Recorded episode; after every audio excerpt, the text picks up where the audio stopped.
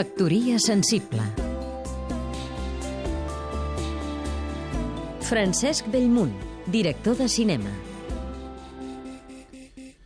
Els esperits lliures senten la necessitat de proclamar de tant en tant que són ciutadans del món. Però aquesta afirmació vital produeix a vegades un efecte papallona en la imaginació de qui escolta. Ser ciutadà del món aboca un idíl·lic més enllà de fronteres i localismes, una terra imaginària on regna la fraternitat universal i on l'ambició cultural no té límits. No obstant, al cap d'una estona, l'efecte papallona impulsa l'eufòria i la transporta a un bosc d'interrogants angoixants. I si aquest universalisme, lluny de portar-nos a l'anhelada unió dels individus, obre les portes a un tentacular control emanat des d'un poder global i dictador que torna la gent buida i uniforme.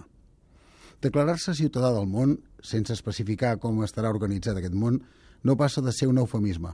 En una civilització global, quina mena de respecte es tindrà pel que hem heretat, per allò que estimem i per la llengua que parlem, si amb els que ens manen de prop ja tenim problemes perquè ens respectin aquests valors. Oberts al món? Sí, però sense perdre de vista tot allò que ens és pròxim, allò que hem vist créixer i ens ha vist créixer, com a persones individuals i com a col·lectiu. Factoria sensible Seguim-nos també a catradio.cat